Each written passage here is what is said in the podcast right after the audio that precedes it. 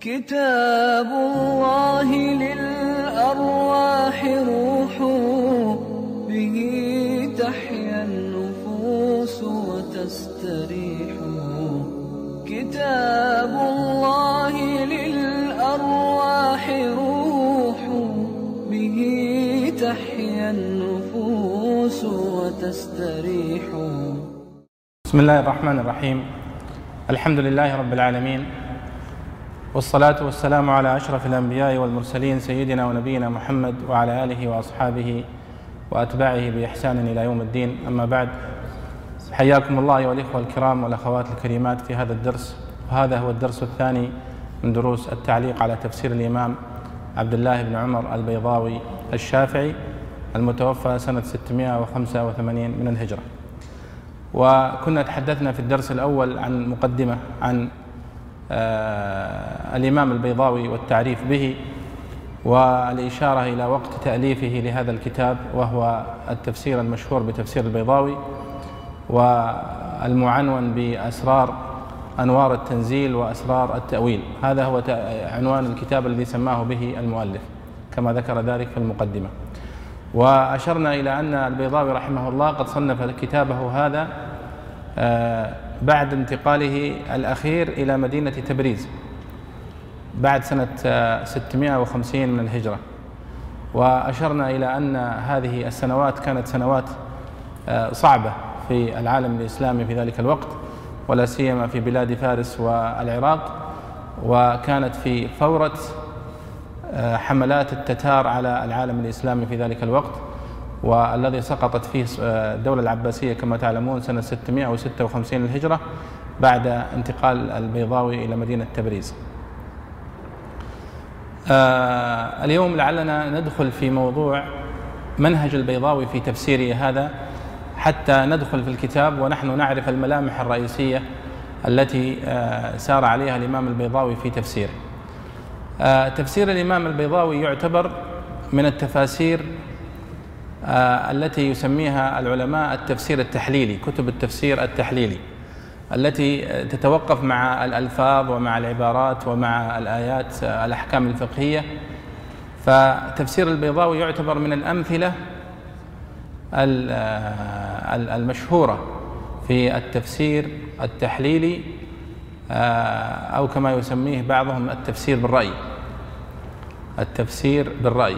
والتفسير بالرأي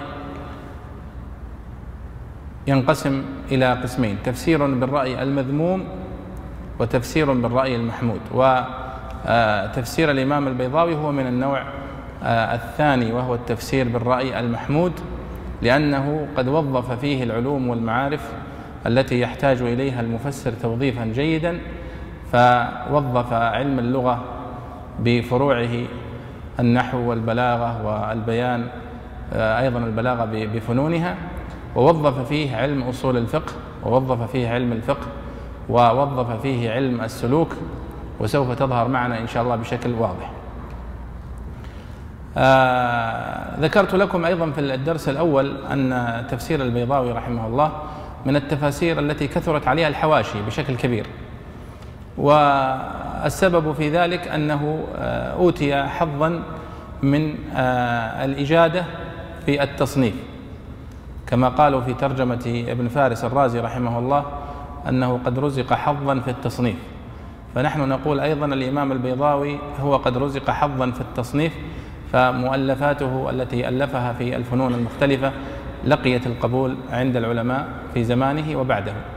فكتابه في أصول الفقه المنهاج في أصول الفقه من الكتب المشهورة جدا في الأصول ومخطوطاته كثيرة والتعليقات عليه كثيرة. وذكرت لكم أن من علامات من علامات قيمة الكتاب العلمية كثرة الأثر الذي يحدثه الكتاب بعده. من الاستدراك والحواشي والشروح والاختصارات والنظم ونحو ذلك. وهناك كتاب قيم فات علي الحقيقة أن أراجعه مع أنني راجعته قديما فيما يتعلق بالتفاسير البيضاوي والزمخشري. كتاب بعنوان عبقرية التأليف عبقرية التأليف العربي أو نحو ذلك. عبقرية التأليف لكن ربما عند العرب أو عند المسلمين.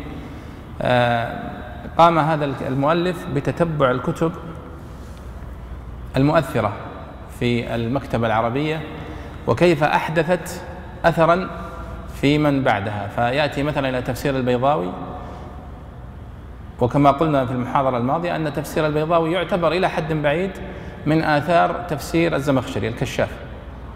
لكنه أراد أن يخلصه من الاعتزاليات ويبدل ذلك يعني ببعض الفوائد الفقهية ونحو ذلك. فيذكر كتاب أنوار التنزيل مثلا ثم يذكر الحواشي التي كتبت عليه والتعليقات والتقريرات والاستدراكات وتخريجات الأحاديث ونحو ذلك. فيظهر لك خارطة بأثر هذا الكتاب في المكتبة العربية بحيث لو بحث أحدهم عن كتاب البيضاوي مثلا ووجد أثر تفسير البيضاوي أثره في من جاء بعده سيجد أثرا واضحا وظاهرا آه، لهذا الكتاب آه، في التفسير.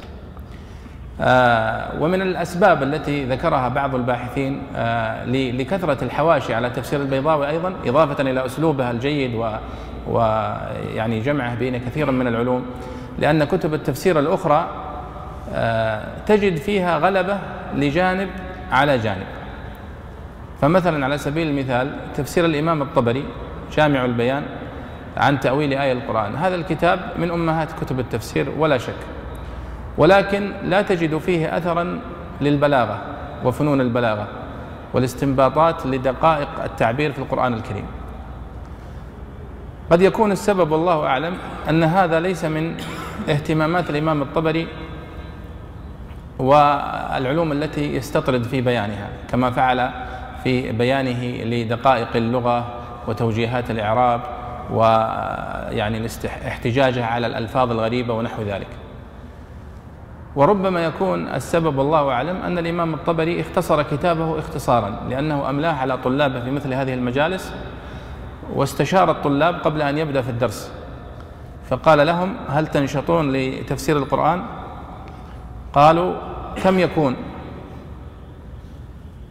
فقال أقدر أن يكون في ثلاثين ألف ورقة. فقالوا يعني هذا تفنى الأعمار قبل أن نكتبها ثلاثين ألف ورقة. ثم إذا لا عرفنا أن كتابة التفسير أو عفوا الكتابة في زمانهم كانت ليست بهذه الصورة التي نحن فيها اليوم. يعني الكتابة بأقلام الكاغد يعني فيها صعوبة كبيرة. فقالوا هذا يعني ينفد العمر ولا ننتهي من هذا الكتاب. فاختصره لهم في ثلاثة آلاف ورقة. وكأنه قدر أن كل يعني جزء من الأجزاء آه، يمكن أن يفسر في ربما مئة ورقة أو نحو ذلك. ثلاثين جزء ثلاثة آلاف على ثلاثين كم كم تطلع؟ مئة. أنا ضعيف في الحساب لكن المهم أنها في هذا الحجم يعني. وأنا أقول أن تلاميذ الإمام الطبري قد أحسنوا إليه. عندما لم يوافقوه على هذا الموسوعة في التفسير. لأنها كانت ستفقد حتما. لأنه لن ينشط الناسخون والوراقون لهذا الكتاب. وقد وجدت مثالا يؤيد هذا. ذكر أصحاب التراجم كتاب صاحب كتاب السياق في تاريخ نيسابور وربما غيره. أيضا ذكروا أن خلف بن أحمد السجستاني كان من المعاصرين للإمام الطبري آه، وكان أبوه ملكا لسجستان وسجستان إحدى نواحي الكبيرة جدا في بلاد فارس. فطلب العلم ابنه خلف بن أحمد فلما رجع إلى سجستان وقد توفي أبوه فتولى هو بعد والده الملك. ثم تاقت نفسه إلى تصنيف كتاب. قد يكون قد يكون هذا المقترح الذي خطر على ذهنه خلف السجستاني كان متاثرا بفكرة الإمام الطبري التي طرحها على تلاميذه ولم ينفذها. وهي تأليف كتاب في التفسير يكون شامل لكل أنواعه. فلما رجع إلى سجستان قرر أن ينفذ هذا المشروع. ولكن رأى أنه لا يمكن أن يكون مشروعا فرديا.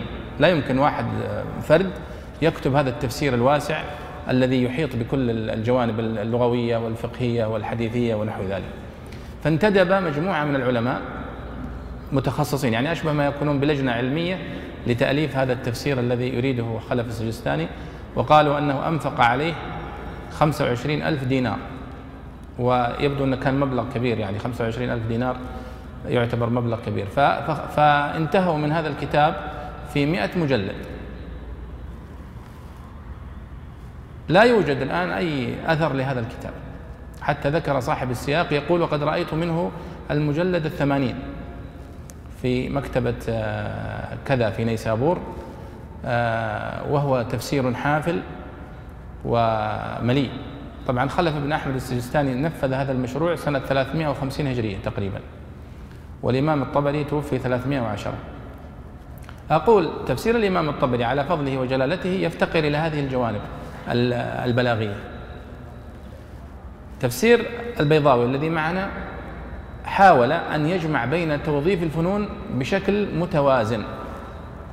فتجد اللغة والبلاغة والفقه وربما حتى الفلك وربما التصوف أحيانا ولكن بطريقة متوازنة إلى حد بعيد. ولذلك رزق هذا الكتاب القبول خاصة في قاعات الدرس وفي مجالس الدرس. ثم أيضا من الأسباب أن, أن هذا التفسير انتشر انتشارا كبيرا جدا في مرحلة كانت الدولة العثمانية آه، هي الدولة التي تحكم أكثر بقاع العالم الإسلامي فانتشر في كل الحلقات من المغرب إلى المشرق. وكان العلماء في الدولة العثمانية يشترطون لإعطاء الإجازة للتدريس في التفسير. أن يكتب الطالب حاشية على تفسير البيضاوي. يعلق عليه.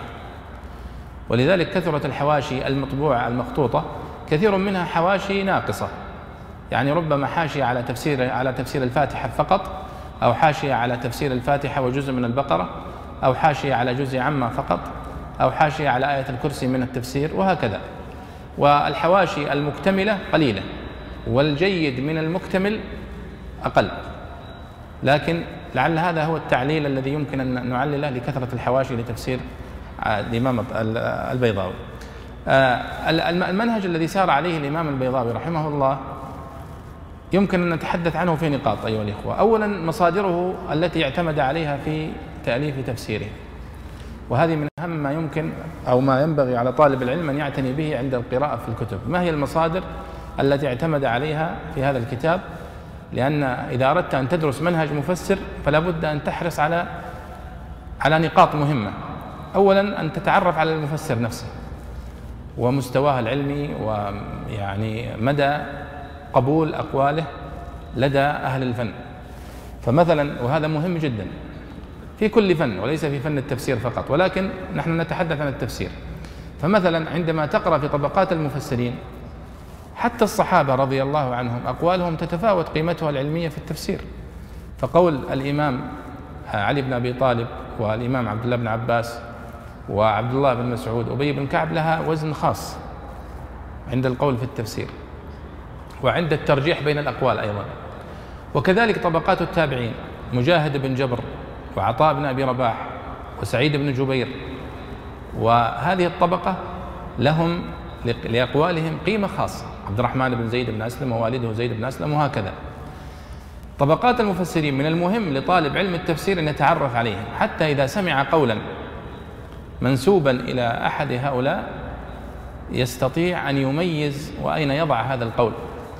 لأن البعض يقول أحيانا تجدون أنه يقول هذا القول قال به الشافعي وعبد الله بن عباس وهو قول ضعيف. ولا يستحضر المكانة التي لهؤلاء الكبار. هب أن عدد كبير من طلبة العلم قال بقول وخالفهم الإمام الشافعي مثلا. يرجح الإمام الشافعي بأقوال هؤلاء. فهذا الرجل له مكانته الخاصة. وكذلك عبد الله بن عباس في التفسير وكذلك مجاهد بن جبر وهؤلاء العلماء. ولذلك ينبغي أن يتعرف الطالب قبل أن يدخل في كتب التفسير على طبقات المفسرين وعلى تراجمهم. ويمكن أن يرجع الطالب إلى كتب مشهورة في هذا مثل كتاب معجم المفسرين مثلا لعادل نويهض معجم المفسر آه، طبقات المفسرين للسيوطي طبقات المفسرين للداودي يتعرف على طبقات المفسرين الذين آه، لهم مكانتهم في كتب التفسير ونقل منهم العلماء وأكثروا من النقل عنهم. ولذلك انظروا في تفسير الطبري كم نقل عن الإمام ابن عباس فيما صح عنه وما يعني ورد عنه من الروايات الصحيحة. أيضا فهذا مما ينبغي أن نتعرض له هنا في دراسة تفسير البيضاوي هي المصادر التي اعتمد عليها. الإمام البيضاوي لم يصرح في مقدمته بالمصادر التي اعتمد عليها. وسوف نقرأ مقدمته إن شاء الله. ولكن الذين عاصروه وجاءوا بعده بقليل ذكروا أنه اعتمد في تأليف تفسيره على ثلاثة كتب.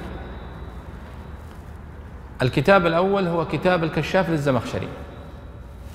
وهذا واضح وظاهر في تفسيره. فعندما توازن بين تفسير الزمخشري للآيات وتفسير البيضاوي يظهر ظهورا واضحا أنه يلخص كلام الزمخشري ويستدرك عليه يخالفه. لكن الروح روح كلام الزمخشري موجودة في تفسير أنوار التنزيل. الكتاب الثاني من المصادر التي اعتمد عليها بشكل كبير تفسير الفخر الرازي التفسير الكبير لفخر الدين الرازي. وفخر الدين الرازي له أسماء كثيرة بعضهم يسميه آه، محمد بن عمر الرازي تفسير محمد بن عمر. وبعضهم يسميه تفسير ابن خطيب الري. ولذلك البعض يجد هذا وقد ذكره ابن خطيب الري في تفسيره. فبعض الطلاب يقول من هو ابن خطيب الري هذا؟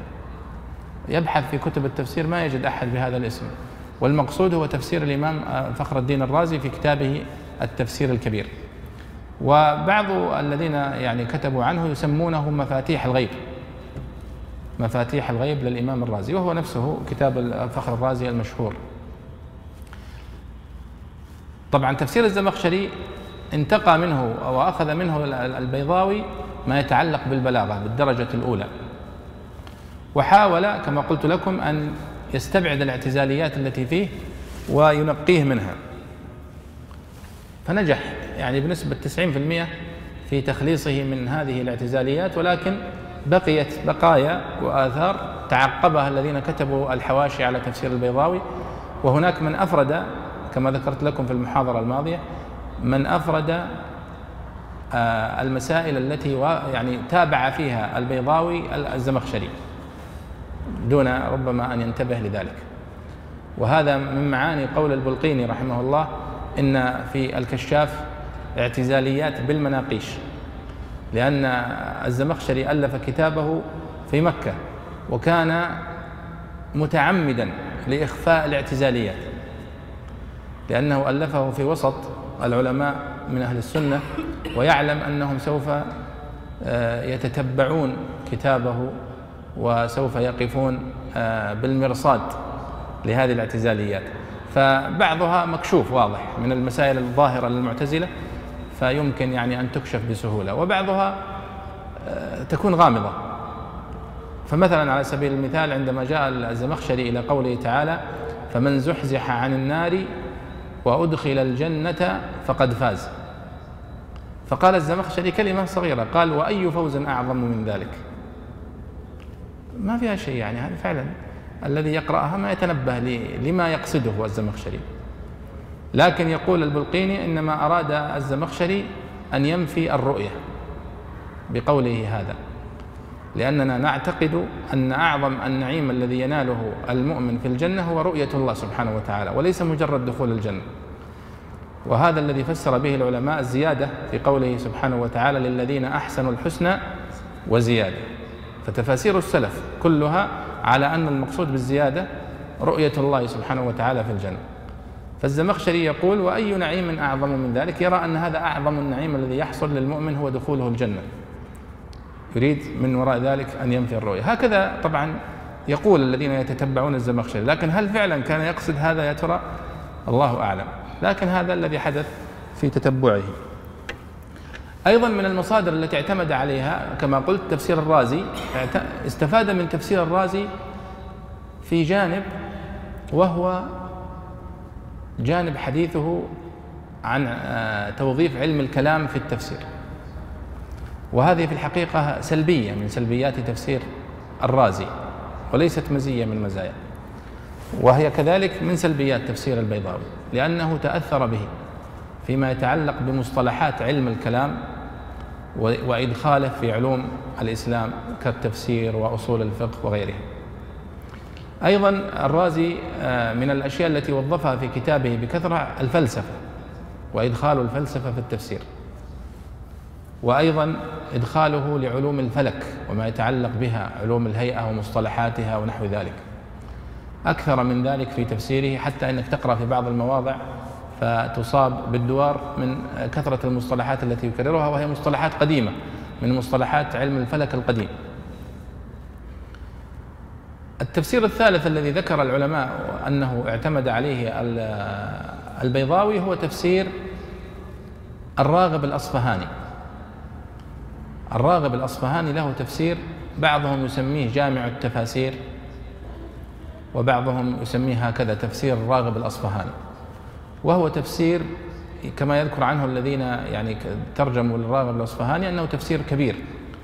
ولكن للأسف أن أنه لم يصل إلينا كاملا وإنما الذي عثر عليه حتى الآن هي أجزاء من هذا التفسير. وقد حقق يعني جزءا منه بعض الزملاء في جامعة أم القرى وطبع.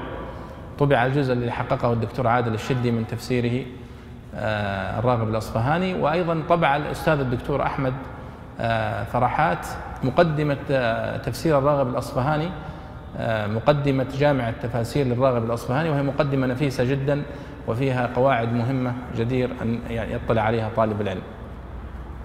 هذه الثلاثة الكتب تفسير الكشاف وتفسير الرازي وتفسير الراغب الأصفهاني هي التفاسير التي ذكرها الذين ترجموا للإمام البيضاوي كحاج خليفة وغيره وقالوا إنه اعتمد فيها اعتمادا كبيرا أو اعتمد في تفسيره على هذه المصادر الثلاث.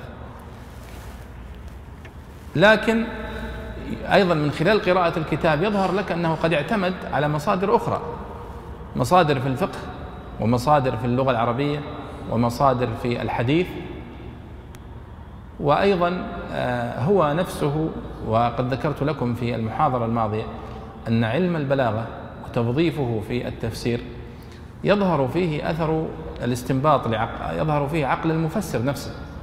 ولذلك يظلم آه، المترجمون أو يظلم الباحثون الزمخشري عندما يقولون إنه كان مجرد منفذ أو مطبق لنظرية النظم التي وضعها عبد القاهر الجرجاني فقط ولم يأتي هو بجديد إضافي. والصحيح أن هذا غير صحيح وأن الزمخشري وإن كان فعلا قد انتفع بنظرية النظم لعبد القاهر الجرجاني واستطاع من خلالها أن يصل إلى دقائق إعجاز القرآن إلا أنه قد أضاف من فكره وعقله واستنباطه الكثير من خلال كتابه الكشاف وأصبح كتاب الكشاف عمدة من كتب من عمد كتب البلاغة القرآنية التطبيقية. جاء الباحثون والعلماء بعده فاستطاعوا أن يستخرجوا الكثير من أوجه البلاغة العربية من خلال البلاغة القرآنية لأنه آه، في الحقيقة أنه ليس دقيقا تعبيرنا بالبلاغة القرآنية وإنما الصواب أن نقول البلاغة العربية دون تخصيص القرآن الكريم ببلاغة خاصة لأن البلاغة التي وردت في القرآن الكريم هي من لغة العرب وهي كانت معروفة. ذلك القرآن الكريم لم يأتي بجديد من حيث أنه فاجأ العرب بأسلوب لا يفهمونه ولا يعرفونه من لغتهم وإلا ما كانت قامت عليهم الحجة به وإنما هم قد آه، فهموه فهموا المفردات وفهموا الأساليب والتراكيب التي فيه. وإن كان هناك ما يمكن أن يسميه بعض العلماء بمبتكرات القرآن كما سماها الطاهر آه، بن عاشور عندما قال وهذا من مبتكرات القرآن. عندما مثلا يأتي إلى قوله سبحانه وتعالى آه والله عليم بذات الصدور. قال وهذا من مبتكرات القرآن لأنه لم تتبعت كلام العرب فلم أجد هذا التعبير أنه الله يقول والله عليم بذات الصدور. هذا التعبير. ومثل قوله مثلا ولكم في القصاص حياة يا أولي الألباب قالوا هذا من مبتكرات القرآن. العرب كانت تقول هذا المعنى ولكن بعبارة أقل في البلاغة وهكذا. لكن هي من مبتكرات ربما أنها من المبتكرات حسب اطلاعنا نحن وحسب ما وصل إلينا من كلام العرب. وإلا فكما قال أبو عمرو بن العلاء لم يصلنا مما قالت العرب إلا القليل. ولو وصلنا أو بلغنا ما قالت العرب لأتانا علم كثير. ونحن نقول قبل قليل لو كان الإمام الطبري أملأ كل ما كان يريده. ربما كان من الأشياء التي سيمليها البلاغة. وربما كان من الأشياء التي يمليها آه، الكثير من التوجيهات النحوية وتوجيه القراءات ونحو ذلك. ولكن لأنه اختصر فانظروا اختصر من ثلاثين ألف ورقة إلى ثلاثة ألاف ورقة. كم نسبة الاختصار؟ كبيرة جدا. ولذلك يتردد أو يعني ينبغي أن يتريث من يريد أن يستدرك على هؤلاء الأئمة الكبار رحمهم الله فما تركوا ما تركوا عن جهل وربما يكون ذلك لأن الوقت كان يعني فرض عليهم هذا الاختصار. آه، من مصادر الإمام البيضاوي التي تظهر في تفسيره تفسير القرآن بالقرآن وهذه من المسائل التي جديرة بالدراسة في تفسير البيضاوي وهو تفسيره للقرآن بالقرآن وتوظيفه لهذا النوع من التفسير. وهذا وهو فيه أفضل من الزمخشري. الزمخشري لم يكن في تفسير القرآن بالقرآن كما كان البيضاوي رحمه الله.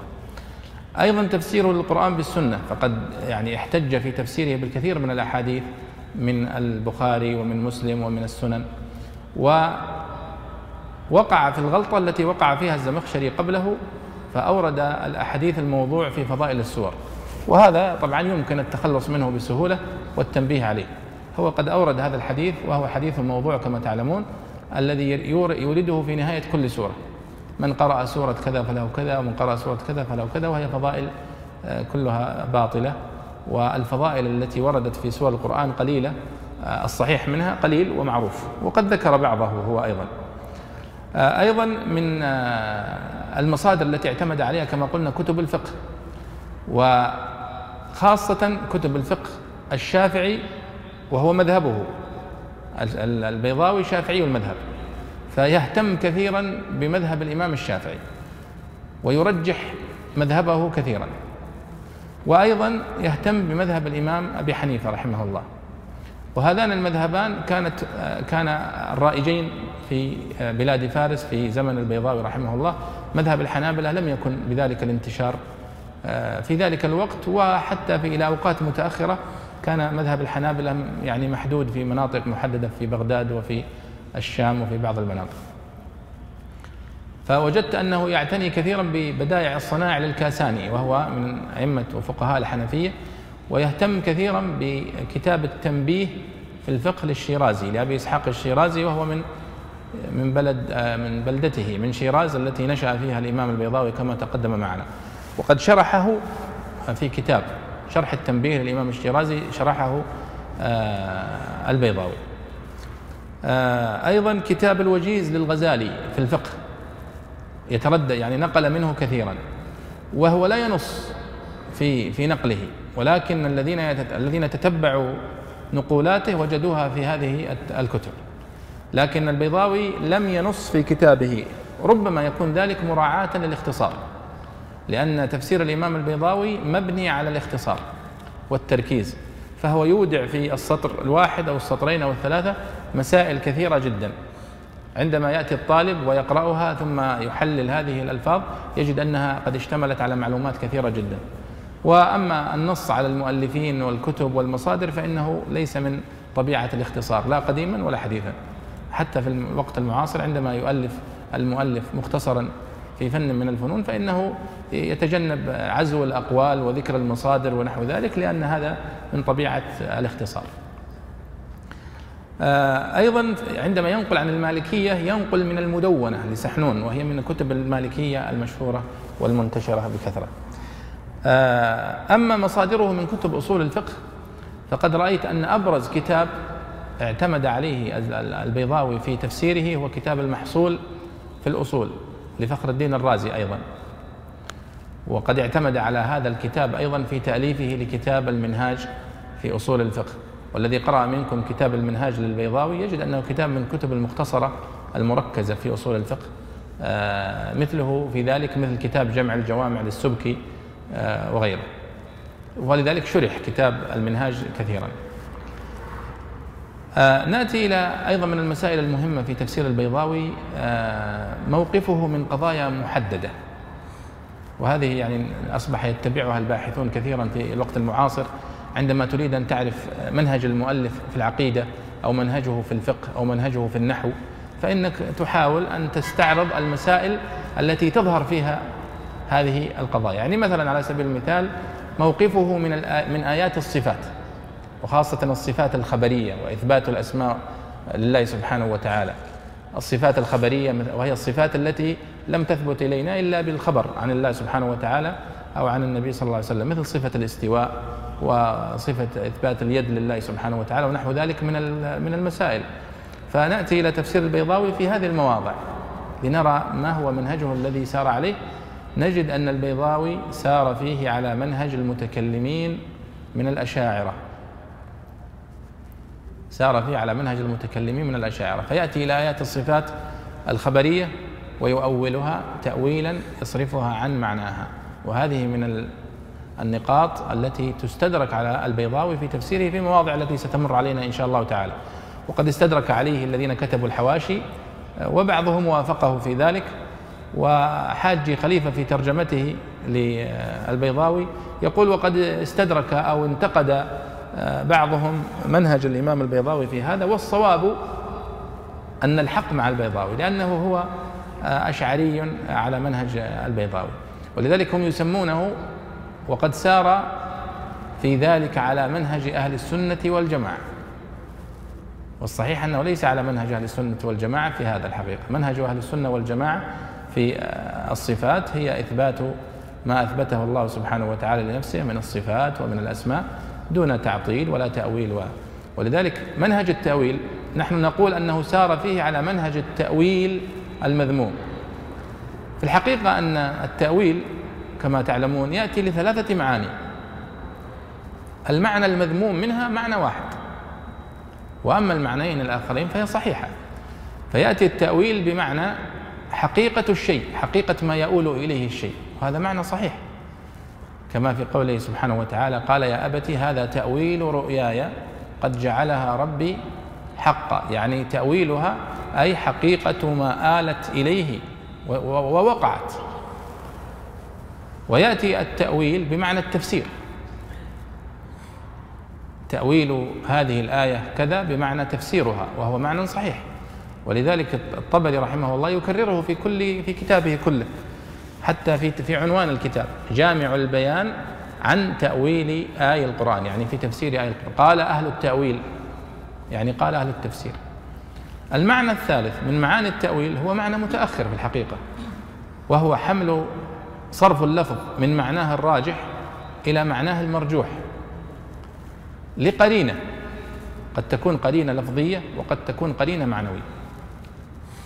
في الحقيقة المذموم هو هذا الثالث وهو في الحقيقة التحريف وليس تأويل. عندما يقول الله سبحانه وتعالى الرحمن على العرش استوى. ونأتي إلى دلالة استوى في اللغة العربية التي ثبتت وصحت. نجد أن من معانيها استوى بمعنى آه، ارتفع وعلى واستقر وثبت. وليس من معاني الاستواء في اللغة العربية الاستيلاء.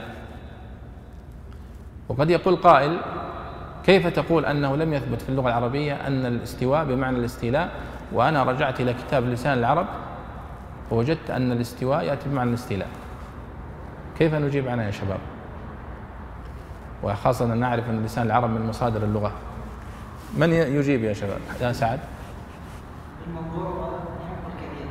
أيوه. يتبع لسان العرب الحقيقي وإنما هو جماع يجمع من الكتب ما قبله. ومن قبله قد يكون يعني دخل في تفسير الاشعريات وبالتالي هو احسنت هذا هو الجواب أيها الإخوة فعلا أن ابن منظور رحمه الله له كتاب لسان العرب وهذا الكتاب هو ذكره في مقدمته وقال وليس لي من شيء في هذا الكتاب إلا أنني جمعته من كتب العلماء واعتمد على كتب محددة.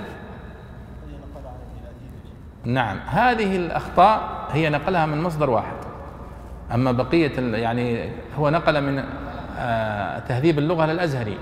وتهذيب اللغة الأزهري كتاب على منهج أهل السنة من أروع كتب اللغة وأجودها ونقل من الصحاح للجوهري والجوهري قد أخذ على نفسه شرطا أنه لا ينقل في كتابه إلا ما صح عن العرب. يعني تماما كما فعل بعد كما فعل الإمام البخاري في صحيحه فلم ينقل إلا ما صح عن النبي صلى الله عليه وسلم. فكذلك الإمام الجوهري أراد أن يتحرى ما صح عن العرب. كيف يتحرى؟ أيضا لكل علم طرقه في في التحري والتدقيق. يعني عندما يأتي ويقول ما صح عن العرب؟ قوله كذا. لأنها لم تورد أو لم تروى إلا عن أعرابي متأخر نقلها أحد اللغويين وانفرد بها. فنقول هذه ليست من اللغة الشائعة المعروفة عند العرب وإنما قد انفرد بها فلان. آه ابن منظور نقل من ضمن الكتب التي نقلها وجمعها في كتابه كتاب ابن الأثير الجزري في آه في غريب الحديث. فوقعت مثل هذه التأويلات مثل الاستيلاء والاستواء بمعنى الاستيلاء. فعندما يأتي المفسر فيقول الرحمن على العرش استوى فيقول استولى هذا ليس تأويلا وإنما هو تحريف ولكن هم يسمونه تأويل منهج أهل التأويل الحقيقة أنه تحريف. يعني نحن يعني نبسط العبارة أو نهذب العبارة عندما نقول تأويل والصحيح أنه تحريف للمعنى. لأنه لم يثبت عن العرب أنهم يقولون هذا ويفعلون هذا. ونحن حتى لو قلنا صرف اللفظ من معناه الراجح إلى معناه المرجوح لقرينة أين هي هذه القرينة؟ هي قرينة في ذهن الذي يؤول هذه الصفات ونحوها. فإذا هذا هو موقف الإمام البيضاوي من آيات الصفات الخبرية أنه يؤولها على منهج المتكلمين من الأشاعرة المتأخرين. وسوف نأتي إن شاء الله وننبه على هذه المواضع. أيضا آيات الأحكام. موقفه من آيات الأحكام في تفسيره. كما قلت لكم غلب عليه المذهب الشافعي وترجيحه لمذهب الإمام الشافعي من خلال الآيات التي مرت معه. وهو متوازن كما قلت لكم فهو لا يغلب عليه جانب اللغة ولا يغلب عليه جانب الفقه. ولا يغلب عليه جانب الإعراب ونحو ذلك وإنما يتوازن بشكل واضح. القراءات في تفسير الإمام البيضاوي الإمام البيضاوي في تفسيره لم يفسر آه، على رواية حفص عن عاصم. وهذه من المسائل التي ينبغي على طالب العلم أن يتنبه إليها دائما وهي انه يراعي ينظر ما هي القراءة التي يفسر عليها المؤلف. لأنه قد يفسر على قراءة نافع وأنت تقرأ التفسير فتقول تستغرب من هذا التفسير الذي يفسره ولا سيما أنك تلاحظ أن الآيات مكتوبة برواية حفص عن عاصم. فتظن أنه قد أخطأ المفسر. يعني مثلا على سبيل المثال الشوكاني تفسيره على رواية قالون عن نافع. ومطبوع في الكتب المطبوعة رواية حفص والتفسير على رواية قالون عن نافع. هذا خطأ. لكن يبدو لي أن المطابع لم تكن تملك إلا رواية حفص لأنها منتشرة في العالم الإسلامي والمطابع كلها تملك نسخة من مصحف حفص فتضع نص الآيات برواية حفص. ولذلك تجدون طبعة دار الفكر من فتح القدير القديمة تكتب في المقدمة آه، تفسير الإمام الشوكاني للقرآن على رواية قالون عن نافع حتى ينبه الطالب.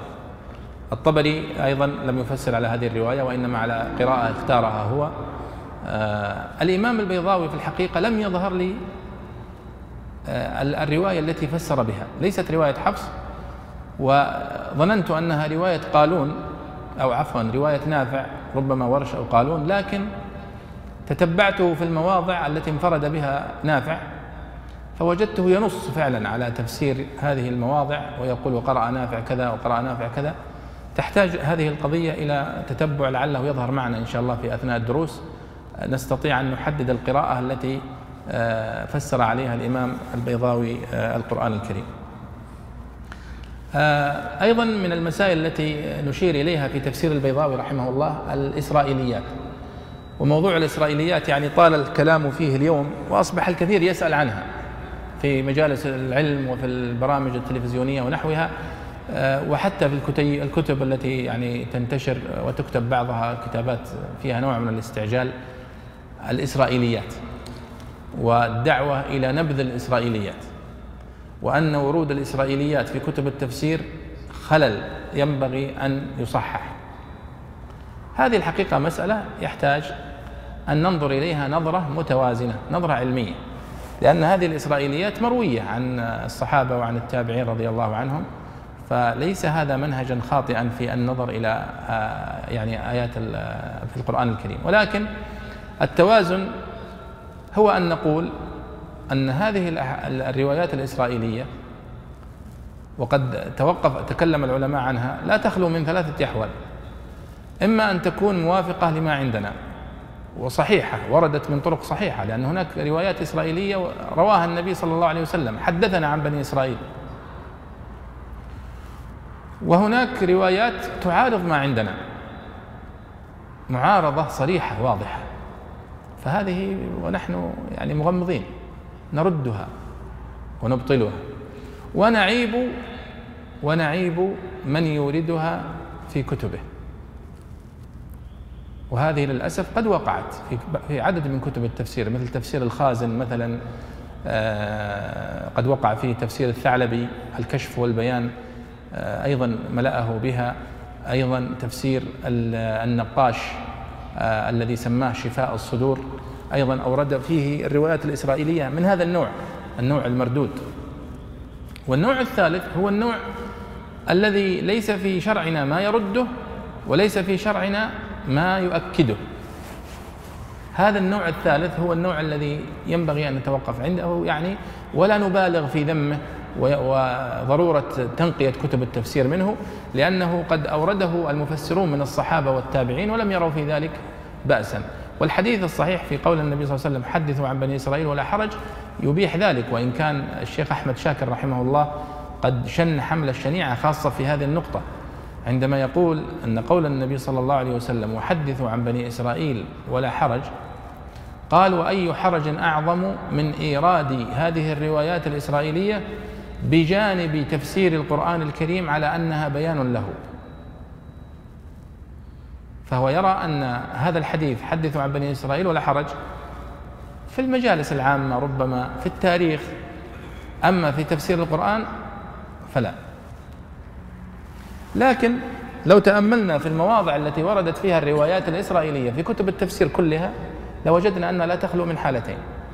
إما في الحديث عن بدء الخلق بدء الخلق قصة بدء الخلق التي ذكرها الله سبحانه وتعالى في القرآن الكريم وإذ قال وإذ قلنا وإذ قال ربك للملائكة إني جاعل في الأرض خليفة. والآيات التي آه، من هذا القبيل التي تشير إلى خلق آدم عليه الصلاة والسلام. هناك سفر من أسفار التوراة اسمه سفر التكوين. كله يدور حول هذه المسألة حول خلق آدم وخلق الإنسان وماذا قال له؟ الحيه والحيه وما الحيه والكلام الطويل هذا كله. ولذلك تجدون كثير من الروايات الإسرائيلية التي تجد تجدونها في كتب التفسير هي من هذا القبيل من استطرادات بني إسرائيل ورواياتهم. ونحن نعلم أن التوراة آه، غير آه، يعني لم تصل إلينا كما آه، نزلت على موسى عليه الصلاة والسلام وإنما هي محرفة. فلذلك نحن في شك وفي ريبة من كل ما ينقل منها. وإن كان العلماء نقلوا منها كثيرا في كتب التفسير وفي غيره والجانب الثاني الذي ترد فيه كتب أو روايات الإسرائيليات هي عن قصص السابقين سواء من الأنبياء بني إسرائيل وهذه أكثرها. وهناك الكثير في القرآن الكريم كما تعلمون من الحديث عن بني إسرائيل. يعني نحن نقول أن موسى عليه الصلاة والسلام هو أكثر نبي من الأنبياء تكرر اسمه في القرآن الكريم. فقد ورد إن لم أكن واهم وقد سبق أنني يعني أحصيت عدد الورود 135 مرة. أو يعني تزيد ربما قليلا أو تنقص قليلا. 135 مرة يكرر اسم موسى عليه الصلاة والسلام وتكررت قصته في 75 سورة. فالكثير من قصص بني إسرائيل موجودة في القرآن الكريم وتفاصيلها موجودة في كتب بني إسرائيل. والنفس دائما تتشوف إلى التفاصيل حتى اليوم. وكنت اليوم مررت من أو أمس ربما مررت من عند الإشارة اللي بجنب الجامع هنا فكان فيه ازدحام شديد جدا. فضول من الناس. وجدت أن في حادث كان هناك حادث والناس متجمعون حتى يعرفوا وش اللي صار. مع أن ليس هناك واحد منهم يقدم أي خدمة للمصابين لكن بس يتجمعون ويصورون. فضول من الناس. فكذلك في تتبع هذه الخفايا مثلا واسألهم عن القرية التي كانت حاضرة البحر. هذا موجود في القرآن الكريم. فالمفسرون قديما تشوفوا إلى معرفة التفاصيل. أين تجد التفاصيل؟ في رواية بني إسرائيل فقط. فعندما يلجؤون إلى مثل هذه التفاصيل لا حرج في ذلك وليس في ذلك مخالفة شرعية. وليس في ذلك جعل للتوراة أو لروايات بني إسرائيل حاكمة على القرآن بأي حال من الأحوال. ولذلك نحن نقول انظروا إلى كتب التفسير الآن المختصر منها والمطول كلها تسمى كتب تفسير وكلها قد وفت بالبيان المراد للمعاني. ولكن التفاصيل التي تجدها في الكتب المطولة مثل عن مثل هذه الروايات. القرية مثلا في قوله سبحانه وتعالى آه، إذا أرسلنا إليهم اثنين فكذبوهما فعززنا بثالث. ما هي هذه القرية؟ هؤلاء الثلاثة من هم؟ في أي زمن كانوا؟ هذه تجدونها في الروايات الإسرائيلية فقط. أيضا في آه، وهكذا. الروايات أو الآيات التي تتحدث عن مثل هذه القضايا. الإسرائيليات إذن وردت في كتب التفسير في الجانب التاريخي. وهي زيادة على البيان. يعني التفسير حصل ببيان المعنى. أن الله سبحانه وتعالى يقول أن هناك قرية أرسلنا إليها رسولين فكذبوهما فأرسلنا واحد ثالث. خلاص هذه وهذا المعنى الذي تريد أن توصل الآيات. لكن ما هي هذه القرية؟ من هم هؤلاء الثلاثة؟ في أي زمن؟ هذا غير خارج نطاق التفسير. وإنما يدخل في باب التاريخ.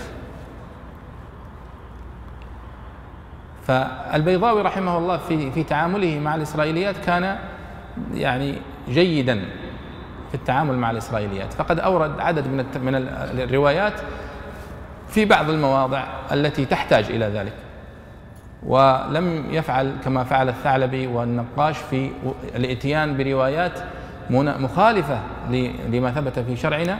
ومن أسوأ هذه الروايات الإسرائيلية التي يوردها المفسرون الروايات التي تطعن في أخلاق بعض الأنبياء عليهم الصلاة والسلام وتقدح في عصمتهم كما في الروايات التي ترد في سورة صاد آه، عند ذكر آه، داود عليه الصلاة والسلام وما ورد فيه من الروايات الإسرائيلية الباطلة المكذوبة آه، في ذلك.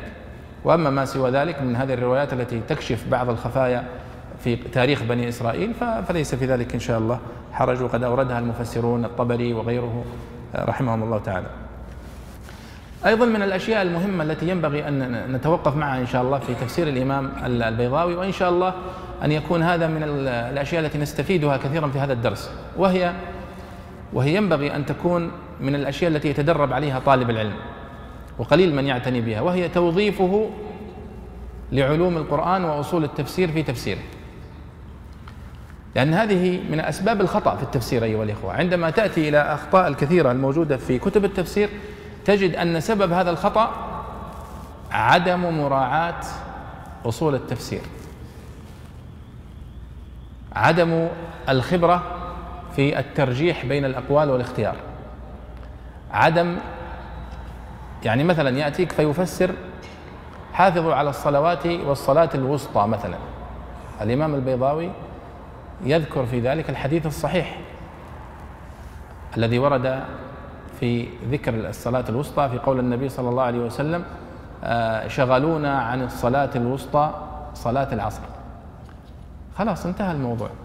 لسنا في حاجة إلى نقاش المسألة أكثر من ذلك لأن من قواعد الترجيح أنه إذا ثبت الحديث إذا ثبت الحديث وكان نصا في معنى الآية فلا يصار إلى غيره. لذلك انتهى البيضاوي ذكر هذا الحديث واكتفى بهذا وهذا هو المنهج الصحيح. فنحن نتأمل إن شاء الله في أثناء الدرس كيف وظف الإمام البيضاوي علوم القرآن وأصول التفسير في تفسيره. عندما تأتي سبب نزول صحيح وثابت يذكره. عندما يأتي حديث صحيح في معنى الآية يذكره ويتوقف. لأنه تجد في كتب التفسير في هذا الموضع وفي غيره. مثلا في قوله سبحانه وتعالى ولقد آتيناك سبعا من المثاني والقرآن العظيم. المفسرون يذكرون الخلاف كثير منهم يذكر الخلاف. فيقول السبع المثاني قيل هي السبع الطوال. والسبع المثاني قيل هي سورة الفاتحة. مع أن حديث أبي سعيد بن المعلى في البخاري أن السبع المثاني هي الفاتحة. وهذا الحديث نص في معنى الآية. فلا حاجة إلى ذكر الخلاف والإطالة بذلك. وهذا من قواعد الترجيح التي ينبغي دائما أن نستحضرها في أثناء قراءة التفسير. ونرى كيف تعامل المفسر مع هذه القواعد ومع هذه الأصول. كيف كان يقدم تفسير القرآن بالقرآن ثم تفسير القرآن بالسنة إذا ظهر في ذلك آه، كان واضحا ونصا صريحا وهكذا. فهو عندما جاء ولقد آتيناك سبعا من المثاني قال ذكر حديث أبي سعيد بن المعلى وهي سورة الفاتحة انتهينا. فليس هناك حاجة إلى القول بأن السبع المثاني هي آه، هي السبع الطوال أو نحو ذلك. لأن النبي صلى الله عليه وسلم قال الفاتحة هي السبع المثاني والقرآن العظيم الذي أوتيته. وهذا يسمونه التفسير النبوي والتفسير الصريح التفسير المرفوع. فإذا رأيت المفسر يتعامل مع هذا النوع من التفسير ويقدمه فهذا من مزايا التفسير. الإمام البيضاوي ذكر أسباب النزول. عند كل آية فيها سبب نزول ثابت فإنه يذكر هذا السبب. وأسباب النزول ليست على درجة واحدة. بعض أسباب النزول الجهل بها لا يؤثر في معنى الآية. ولكن بعض أسباب النزول الجهل بها يجعلك لا تفهم الآية على وجهها الصحيح. وهذا النوع من أسباب النزول ضروري أنه يذكر. حتى في التفاسير المختصرة. حتى لو كان التفسير مختصرا لابد أن يذكر سبب النزول الذي يتوقف عليه فهم الآية في المختصر. مثال ذلك على سبيل المثال في سورة البقرة في قوله سبحانه وتعالى إن الصفا والمروة من شعائر الله. هذه الآية لو لم يعرف سبب نزولها ما تفهم على وجهها الصحيح. لأنه قد وقع السلف في بعضهم يعني في فهم خاطئ لها لأن معنى الآية ظاهرها مثير للاستغراب إن الصفا والمروة من شعائر الله فمن حج البيت أو اعتمر فلا جناح عليه أن يطوف بهما كيف؟ أليست السعي بين الصفا والمروة ركن من أركان الحج؟ ركن. ما وليس اختياريا أنك لا جناح عليك أن تسعى. لا عليك جناح إذا لم تسعى. فجاء عروة رضي الله عنه بن الزبير وسأل خالته عائشة رضي الله عنها. فقال إن الصفا والمروة من شعائر الله فمن حج البيت أو اعتمر فلا جناح عليه أن يطوف بهم بل عليه جناح إن لم يطوف بهما. وليس يعني ليس عليه جناح ألا يطوف فقالت يا ابن أخي أو يا ابن أختي كان العرب في الجاهلية كانت الصفا عليها صنم والمروة عليها صنم. ويذكرون لهما قصة يعني مشهورة قصة إساف ونائلة. فلما جاء الإسلام تحرج المسلمون أن يسعوا بين الصفا والمروة مع وجود الأصنام على الصفا والمروة من قبل من أيام الجاهلية. فكانوا يجدون في أنفسهم حرج يعني وهم يسعون بين الصفا والمروة مع وجود الأصنام سابقا يعني كأنهم يرون أنها بقايا آثار أصنام. ولو نظرت هذه النظرة أيضا الطواف بالكعبة كانت الأصنام حول الكعبة كما تعلمون. ولم يعني تهدم إلا مع فتح مكة. فجاءت هذه الآية لنفي هذا الحرج الموجود في نفوس الناس. فإذا عرفت سبب النزول زال عنك الفهم الخاطئ لهذه الآية. وقل مثل ذلك في مثل قوله تعالى آه، وليس البر بأن تأتوا البيوت من ظهورها ولكن البر من اتقى وأتوا البيوت من أبوابها. ما معنى فأتوا البيوت من آه، وليس البر بأن تأتوا البيوت من ظهورها. يعني هل معناها أنك تأتي البيت من ظهره بمعناها المباشر؟ يعني تدخل من خلف البيت أو تدخل من مكان هو ليس مك... ليس باب أصلا؟ نعم هذا هو المعنى. لأن بعض المفسرين يقول وأتوا البيوت من أبوابها يعني إشارة يفسرها تفسيرا مباشرا يعني أتوا البيوت من أبوابها هو أمر بإتيان كل أمر من بابه. فمثلا على سبيل المثال يذكر بعضهم من الاستنباطات مثلا عندما يريد الرجل أن يخطب المرأة فالأسلوب المناسب أن يخطبها من وليها أليس كذلك؟ لكن الأسلوب غير المناسب أن يلف لفة طويلة ويروح يرسل أو يتبع أسلوب غير مقبول. فيقال فأتوا البيوت من أبوابها. ونحو ذلك. لكن عندما تعرف سبب النزول أن الأنصار كانوا يتحرجون إذا رجعوا من الحج أن يدخلوا من أبواب بيوتهم المعتادة ويرون أن من تمام الحج أنهم يثقبون ثقب في في خلف البيت ويدخلون منه. ويرون أن هذا من كمال التقوى ومن كمال الحج. فأبطل الله هذا الاعتقاد الباطل وقال وليس البر بأن تأتوا البيوت من ظهورها ولكن البر من اتقى. فعندما تعرف سبب النزول تعرف المعنى الصحيح. الإمام البيضاوي كان يذكر أسباب النزول في مثل هذه المواضع. أيضا من علوم القرآن الظاهرة في تفسير الإمام البيضاوي الناسخ والمنسوخ. وقد نبه عند قوله تعالى ما ننسخ من آية أو ننسها إلى أهمية علم الناسخ والمنسوخ و آه، يعني ضرورة العناية به. وهذا من أهم العلوم المتعلقة بالقرآن الكريم. علم الناسخ والمنسوخ. وسوف يأتي معنا إن شاء الله. لأن علم الناسخ والمنسوخ يترتب عليه معرفة الآيات المنسوخة والآيات الناسخة. فعندما تأتي إلى الآية المنسوخة وتتحدث عن الأحكام التي تدل عليها يجب عليك أن تستحضر الآية الناسخة التي نسخت هذه الآية وتبينها لأن الفتوى ليست عليها. الفتوى دائما على الآية الناسخة وليس على الآية المنسوخة. آه، نكمل فيما يتعلق بعلوم القرآن ولعلنا إن شاء الله في أثناء قراءة الكتاب والتعليق عليه نتوقف عندها بشكل أكبر. لكن بصفة عامة الإمام البيضاوي وفق إلى حد بعيد في توظيف علوم القرآن آه، في تفسيره آه، الإعجاز البياني أيضا حاول أن يظهره واستفاد ذلك من الزمخشري كثيرا واستطاع في مواضع كثيرة أن يكشف عبارة الزمخشري يعني يغير عبارة الزمخشري بعبارة أكثر دلالة من من من عبارة الزمخشري المغلقة.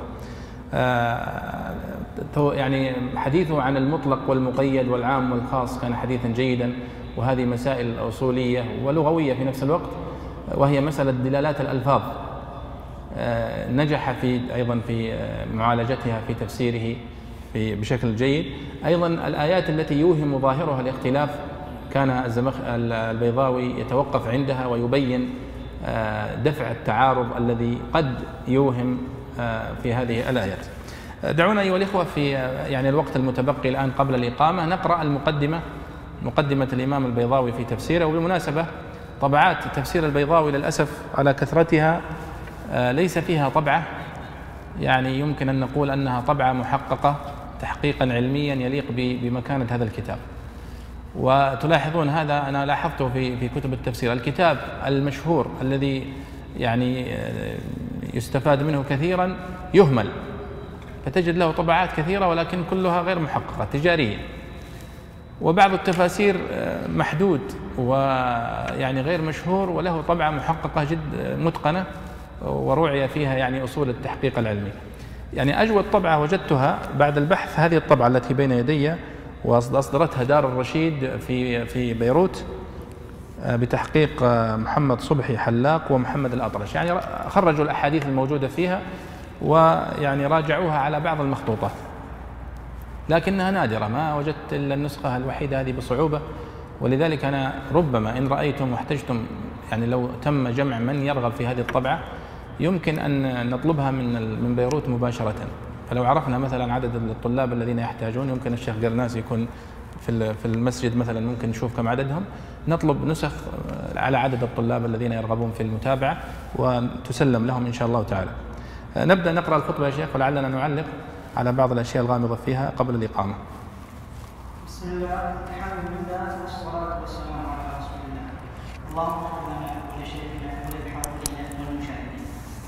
قال القاضي رحمه الله الحمد لله الذي نزل القرآن على عبده ليكون للعالمين نذيرا. فتحدى بأقصر سورة من سوره مصاحف الخطباء من العرب العرباء مصاقع مصاقع مصاقع الخطباء من العرب العرباء فلم يجد به قديرا. وأفحم من تصدى لمعارضته من فصحاء عدنان وبلغاء أحطان حتى حسبوا أنهم سحروا تسحيرا. ثم بين للناس ما نزل اليهم حسب ما عن لهم من مصالحهم ليتدبروا اياته وليتذكر اولو الالباب تذكيرا فكشف لهم قناع الانغلاق عن ايات محكمات هن ام الكتاب واخر متشابهات هن رموز الخطاب تاويلا وتفسيرا وابرز اوامر الحقائق ولطائف الدقائق ليتجلى لهم خفايا الملك والملكوت وخبايا قدس الجبروت ليتفكروا فيها تفكيرا ومهد لهم قواعد الأحكام وأوضاعها من نصوص الآيات وأنواعها ليذهب عنهم الرجس ويطهرهم تطهيرا. فمن كان له قلب أو القى السمع وهو شهيد فهو في الدارين حميد وسعيد. ومن لم يرفع إليه رأسه وأطفأ نبراسه يعش دميمه ويصلى سعيرا. فيا واجب الوجود ويا قائد الجود ويا غاية كل مقصود. صل عليه صلاة توازي عناءه وتجازي عناءه وعلى من اعانه وقدر تبيانه تقريرا. وأفق علينا من بركاته واسلك بنا مسالك كراماتهم وسلم عليهم وعليهم تسليما كثيرا. وبعد. جيد. طبعا هذه المقدمة أنا لا لست من أنصار التحليل اللفظي للمقدمات. أن نتوقف مع الحمد والفرقان ونحو ذلك. لأن هذه من الأشياء المشهورة والمعروفة والتي لا حاجة إليها. لكن يعني تلاحظون في المقدمة يقدم بالحمد والشكر ويشير إلى فضل الله سبحانه وتعالى بتنزيله هذا القرآن. لكن يمكن لفت نظري في قوله هنا آه، فيا واجب الوجود ويا فائض الجود ويا غاية كل مقصود. لاحظوا كلمة واجب الوجود هذه من اصطلاحات المتكلمين. واجب الوجود. وإلا لم ليس في صفات الله سبحانه وتعالى لا في القرآن ولا في السنة أنه واجب الوجود. لكن المتكلمين عندما أرادوا أن يناقشوا هذه المسألة جاءوا بهذه المصطلحات. وهذا من أثر آه، نقله من كتاب أو استفادته من كتاب الرازي آه، التفسير.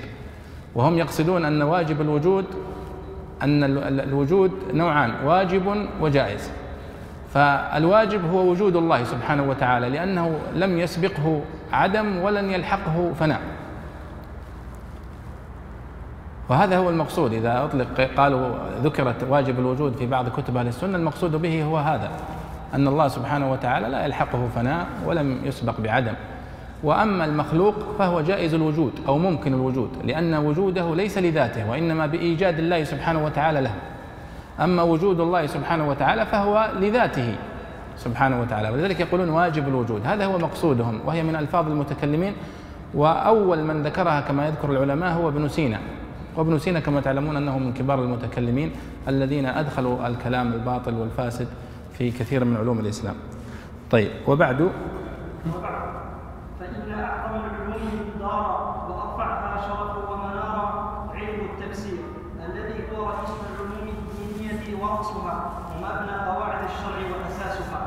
لا يليق بطاعته التصدي للتكلم فيه إلا من برع في العلوم الدينية كلها أصولها وفروعها وفاق في الصناعات العربية والفنون الأدبية بأنواعها نعم. طبعا هو يشير هنا إلى مسألتين. المسألة الأولى شرف علم التفسير والأمر الثاني العلوم التي يحتاجها المفسر.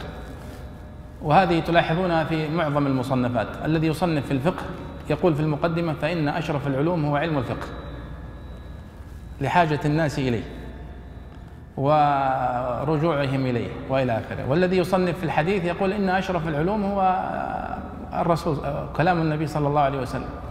لأنه هو المبين للقرآن ولأنه هو إلى آخره. والذي يصنف في أصول الفقه يرى أنه أشرف العلوم وأهمها لأنه لا يمكن أن يصح استنباط الفقيه ولا يقوم فقهه إلا على هذه الأصول. بل وحتى الذي يصنف في النحو يرى أن النحو هو أهم العلوم وأشرفها. بل إن الزمخشري عندما صنف تفسيره قال في المقدمة وبعد وكانت مقدمة نارية جدا مقدمة الزمخشري في الكشاف.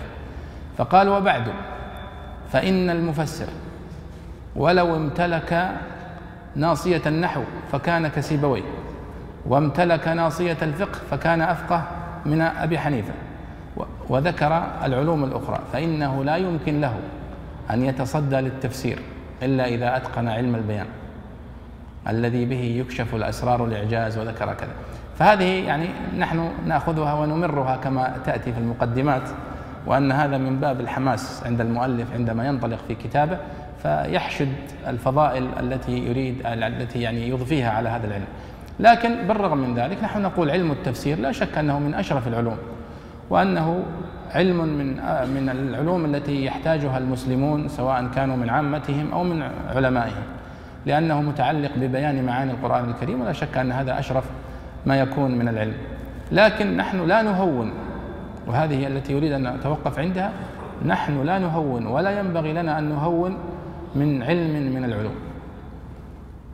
وإنما كل علم له قيمته وله نفعه وفائدته إذا أحسن توظيفه. وإذا نوى به الإنسان طالب العلم آه، نفع الأمة ونفع نفسه حتى ما يمكن أن نقوله الآن في التخصصات العلمية التي يدرسها أبناؤنا وطلابنا للأسف كثير منهم يظن أنه إذا استقام والتزم وكذا يجب عليه أن يترك كلية الطب وينتقل إلى كلية الشريعة. وهذا غير صحيح. نحن كلنا نطلب العلم ولكن أخلص وأحسن نيتك فأنت مأجور بإذن الله تعالى ونحن نحتاج كل هذه العلوم. هذه المسألة الأولى. أما المسألة الثانية التي ذكرها قال لا يليق لتعاطيه يعني لعلم التفسير والتصدي للتكلم فيه إلا من برع في العلوم الدينية كلها وأصولها وفروعها وفاق في الصناعات العربية والفنون الأدبية بأنواعها.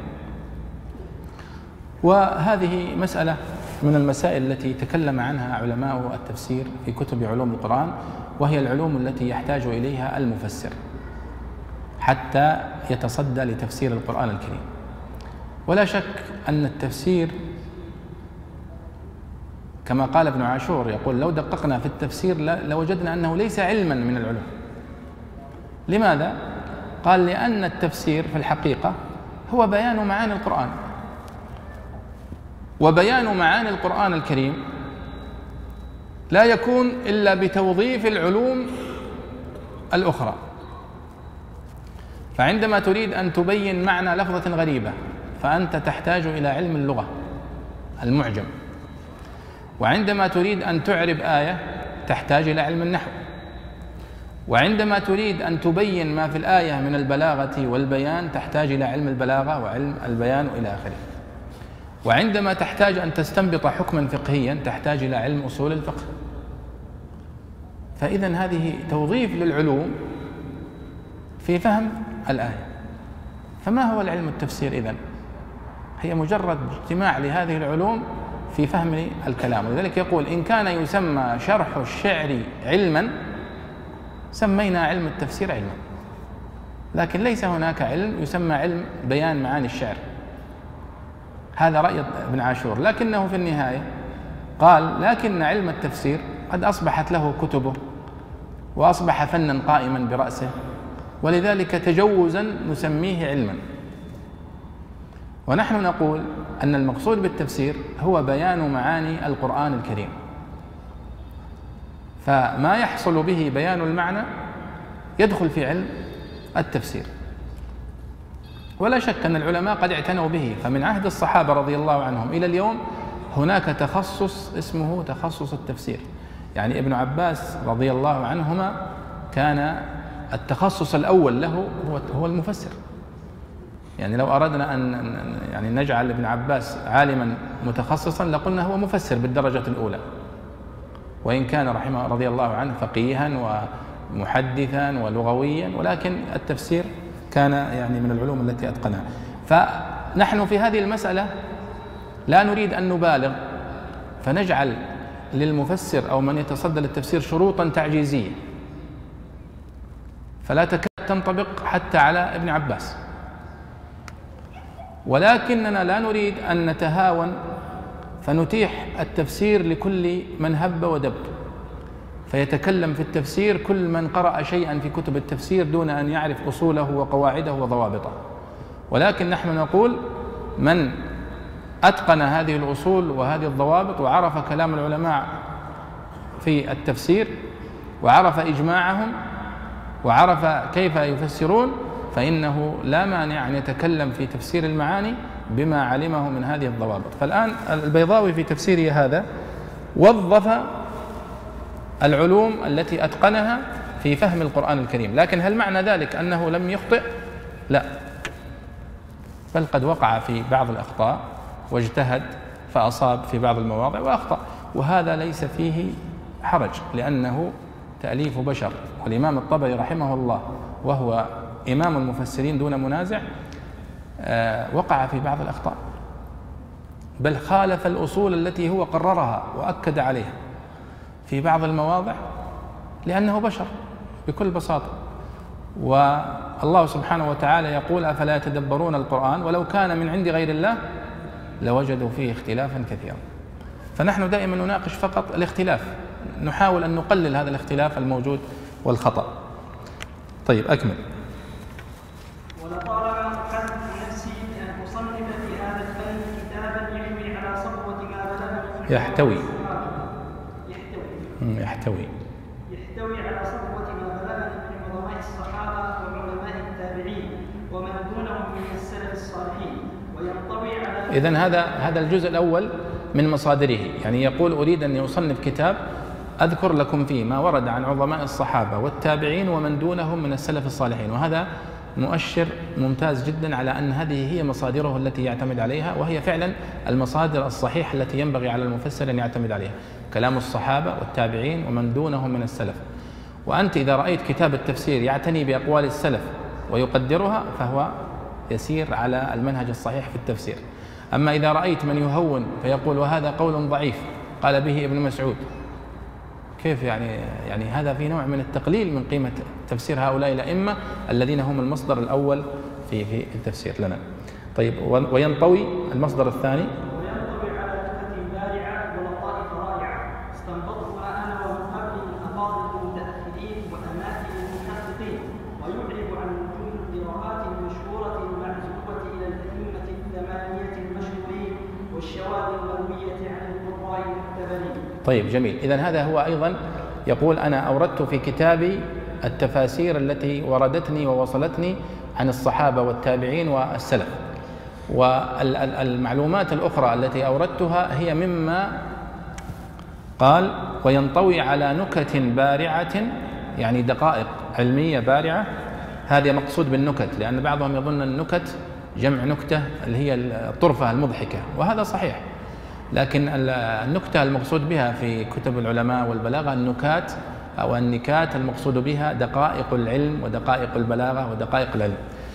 فيقول وينطوي على نكت بارعة ولطائف رائعة. استنبطتها أنا ومن قبلي من أفاضل المتأخرين وأماثل المحققين.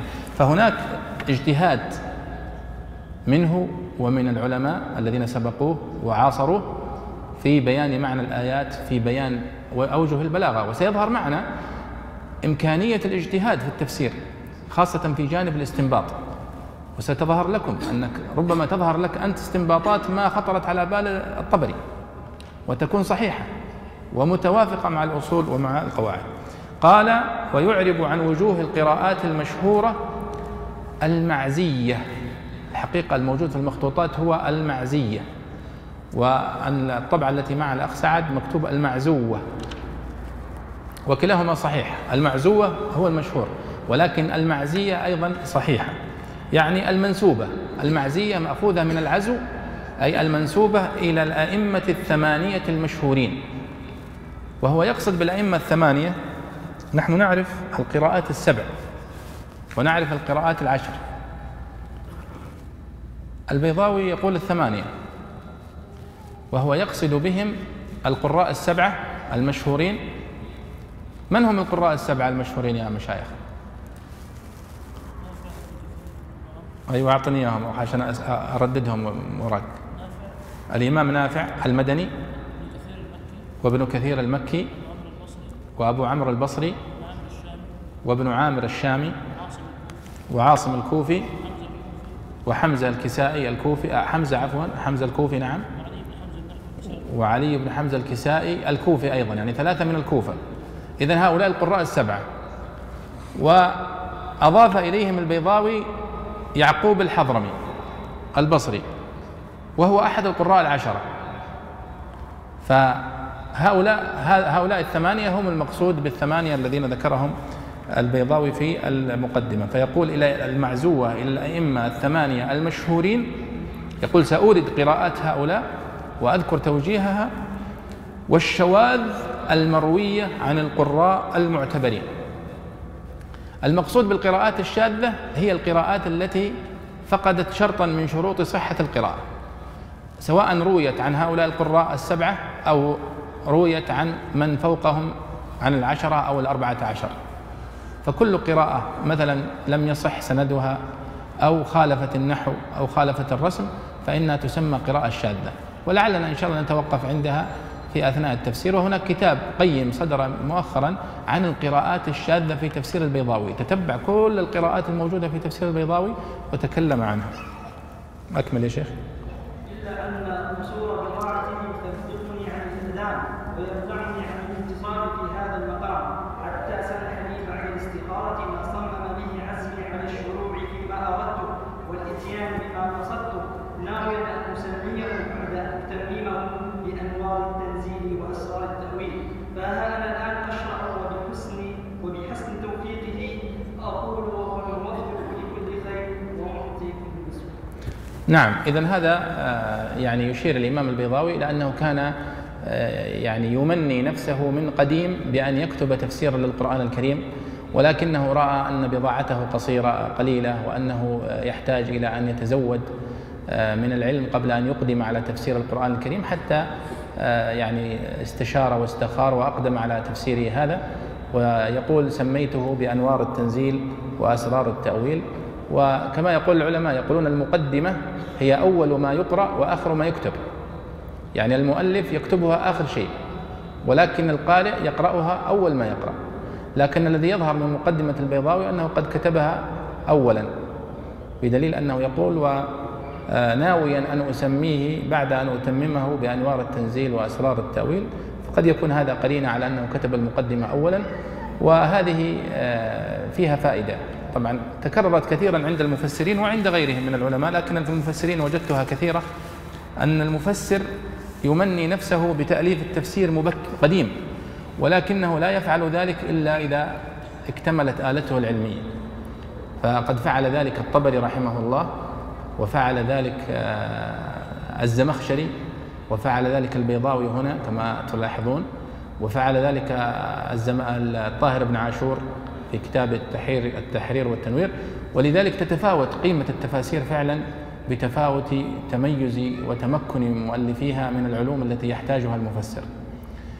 وكلام البيضاوي رحمه الله كلام دقيق فعلا أنه لا ينبغي أن يصنف ويتحدى ويتكلم في التفسير إلا من أتقن هذه العلوم. ولذلك لا ينفع حقيقة في التأليف في التفسير أن تؤلف وأنت معرفتك بهذه العلوم متوسطة أو ضعيفة لأنه يظهر الخلل واضحا. لكن عندما تتمكن من أدوات التفسير هذه فإنه يظهر أثر ذلك في جودة التفسير وفي آه، القيام بحقه. أسأل الله سبحانه وتعالى أيها الإخوة أن يوفقنا وإياكم للعلم النافع والعمل الصالح. وإن شاء الله نبدأ من اللقاء القادم في قراءة تفسير سورة الفاتحة. وصلى الله وسلم على سيدنا ونبينا محمد وعلى آله وصحبه أجمعين.